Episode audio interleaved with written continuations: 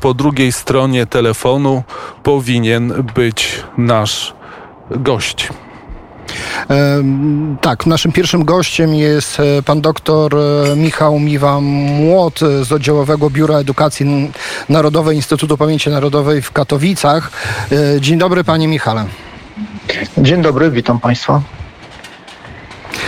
Dzisiaj faktycznie mamy kolejną już rocznicę krwawej niedzieli, tego ludobójstwa dokonanego przez nacjonalistów z organizacji e, ukraińskich e, nacjonalistów. E, to jest 79. rocznica. A ja chciałem się zapytać właśnie pana jako, jako historyka, jak wyglądały przesłanki do tego, do tego ludobójstwa? Jak mogło dojść? Jak wyglądało otoczenie zarówno już w czasie II wojny światowej, e, jak i przed?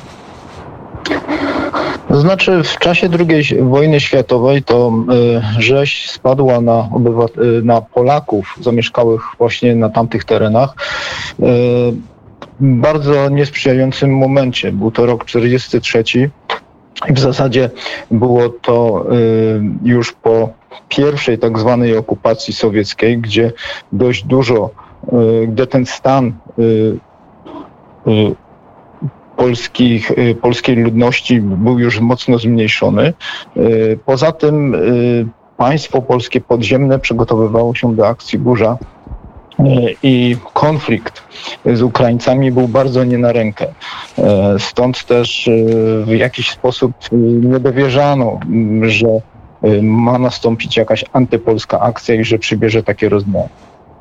Natomiast przyczyny w ogóle tej rzezi to sięgały nieco wcześniej tutaj e, możemy dywagować, czy, czy było to już po odzyskaniu niepodległości przez Polskę od traktatu ryskiego, tego właśnie kiedy państwa centralne obiecały e, Ukraińskiej Republice Ludowej chęszczyznę i, i, i część, też częściowo miały tutaj przypaść te ziemie związane z Lwowem Ukraińców, Ukraińcom, e, czy też jeszcze inna, może być może nie do końca udana polityka e, za czasów II Rzeczypospolitej.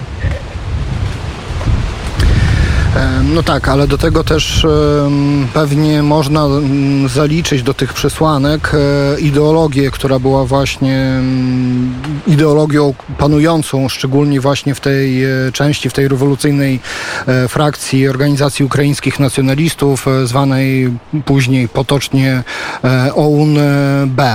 Właśnie w jaki sposób ta ideologia też sprzyjała możliwości dokonania tego ludobójstwa, do której też często, do tego ludobójstwa była często zaangażowana, w to ludobójstwo często też była zaangażowana e, ludność, która mm, z Polakami mieszkała od e, wielu, wielu lat, jak nie powiedzieć stuleci.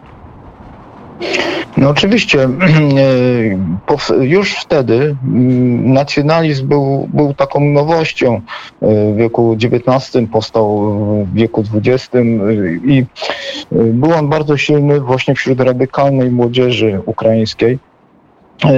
Są też przesłanki, by twierdzić, że był w to zaangażowany również wywiad austro-węgierski, który dla przeciwwagi wpływów polskich w jakiś sposób sponsorował właśnie y, nacjonalizm ukraiński. I bo sporo też, też właśnie działaczy OUN wywodziło się z terenów Galicji Wschodniej. Ale, albo, właśnie... mhm. tak, proszę. Przepraszam, przepraszam, że wszedłem w słowo. Tak, tak? przepraszam. Tak, tak proszę kontynuować. E, oczywiście e,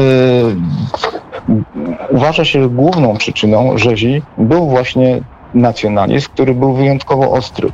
E, Ukraińcy z jednej strony wzorowali się właśnie na III Rzeszy, ale oni dążyli do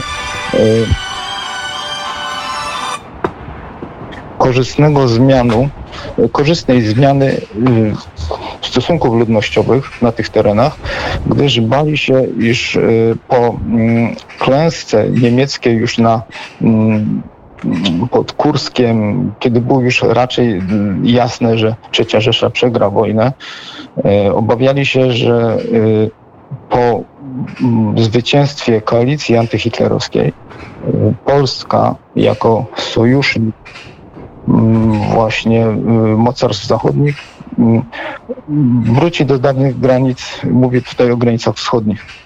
Więc te tereny, o które walczą Ukraińcy, przypadnie, przypadną znowu państwu polskiemu.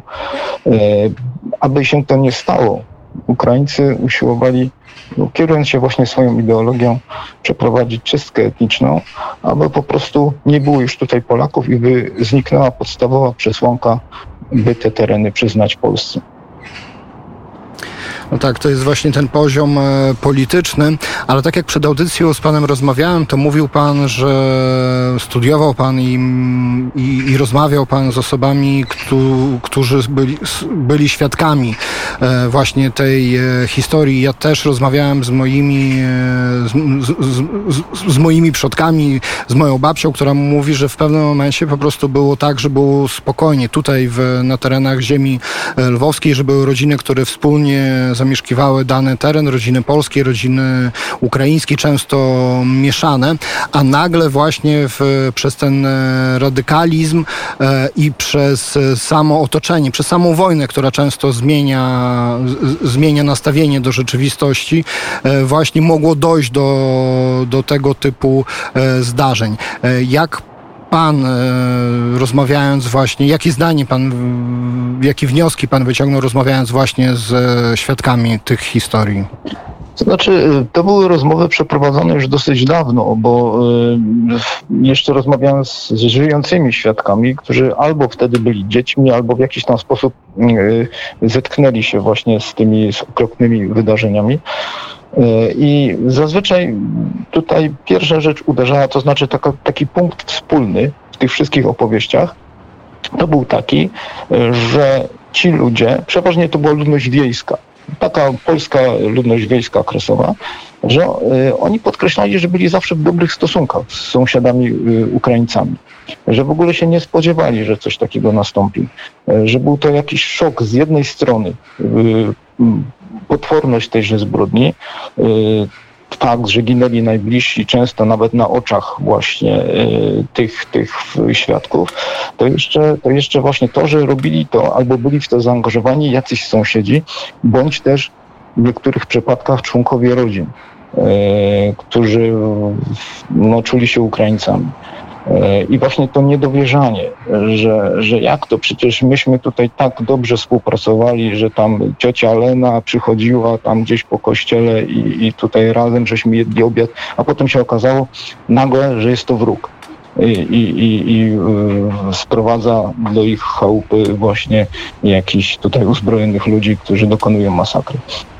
Także tego, tego typu taki wątek, on się dość często powtarzał e, wśród tych ludzi. Być może była to jakaś, uznawałem wtedy, że e, taka takie wspomnienie z dzieciństwa, bo dzieci jednak patrzą trochę inaczej na świat, ale jednak y, to się tak często powtarzało, że no, uznałem to, że, że to jest taki charakterystyczny punkt wspólny właśnie tych, tych relacji świadków.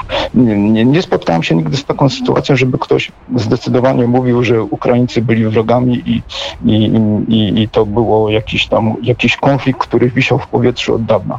Raczej dla nich, dla tej ludności, że tak powiem, wiejskiej, która się zajmowała raczej swoimi, swoim tutaj gospodarstwem, to ta rzeź spadła jak grom z jasnego nieba. Oni byli w jakiś sposób też bezradni, e, no bo nagle zaczęto ich mordować, oni nawet często nie mieli, w jakiś, e, nie mieli środków, by uciekać. Nie mieli koni, nie mieli wozów. Oczywiście e, te, te hutory czy też wioski były oddalone z daleko od ośrodków. I, i, no i też czasami się pojawiał jakiś taki żal, że, że oni byli sami sobie no, zostawieni e, na, własny los. Tutaj nikim nie przyszedł z pomocą. No, taki, tak, tak to wtedy zapamiętałem. To jest e, bardzo podobne do tych historii, które ja słyszałem od ludzi ze wschodu Ukrainy od roku 2014, od momentu, kiedy właśnie e, na niektóre tereny, między innymi takie jak Donieck, czy też częściowo wtedy okupowany jeszcze Siewierodonieck, właśnie przyszły, przyszli, przyszli okupanci, e, zajęli je separatyści. Też słyszałem o tym, że, że sąsiedzi, którzy razem chodzili na chrzciny, urodziny, bardzo często też bardzo szybko się zmieniali właśnie w takie osoby, które potrafiły przyjść e, z służbami bezpieki właśnie tych separatystów w celu przyjęcia domu bądź jakiejkolwiek innej e, nieruchomości. E, panie doktorze, pan pracuje, pan jest historykiem Instytutu Pamięci Narodowej, pan pracuje w dziale edukacyjnym. Instytut Pamięci Narodowej to jest struktura, która ma bardzo szeroki zakres działania, bo jest i pion śledczy, i pion e, upamiętnienia. Pan pracuje w pionie edukacyjnym. E, ja wiem, że historycy nie lubią stawiać jakichś prognoz, ale co my na daną chwilę, co państwo jako Instytut Pamięci Narodowej robią i mogą zrobić, aby właśnie społeczeństwa, aby Ukraińcy i Polacy mogli w jakiś sposób przejść tę bolesną kartę historii, wyciągnąć z niej wnioski i dalej funkcjonować w danej E, przestrzeni, na którą no, w sumie jesteśmy skazani. Tak, aby to było z korzyścią dla obu narodów, dla pamięci obu, obu narodów. No, robimy co możemy. Mm, tutaj Instytut y, upamiętnia w wielu przypadkach wydawaliśmy y, też teki edukacyjne y, właśnie poświęcone rzezi wołyńskiej. Z tym, że no nie wszystkie nasze działania mm, tutaj mm, nie, no nie zawsze strona ukraińska je aprobuje. Mm, na przykład znana jest, znany jest fakt e, sprzed kilku lat, kiedy e, staraniem ukraińskiego odpowiednika IPN-u e, no, wstrzymane zostały ekshumacje ofiar właśnie między innymi rzezi wołyńskiej. No i szczerze mówiąc, nie wiem, nie, nie słyszałem jeszcze, czy, czy, te, mm, czy zostało to odblokowane. E, sądzę, że nie. Także tutaj te badania w jakiś tam sposób odgórnie zostały, zostały wstrzymane. Natomiast no, ważne jest oczywiście, e, ważne jest tutaj pojednanie, ale też trzeba te e, fakty uściślić, jak to rzeczywiście wyglądało i, i y, porozumieć się właśnie z drugą stroną.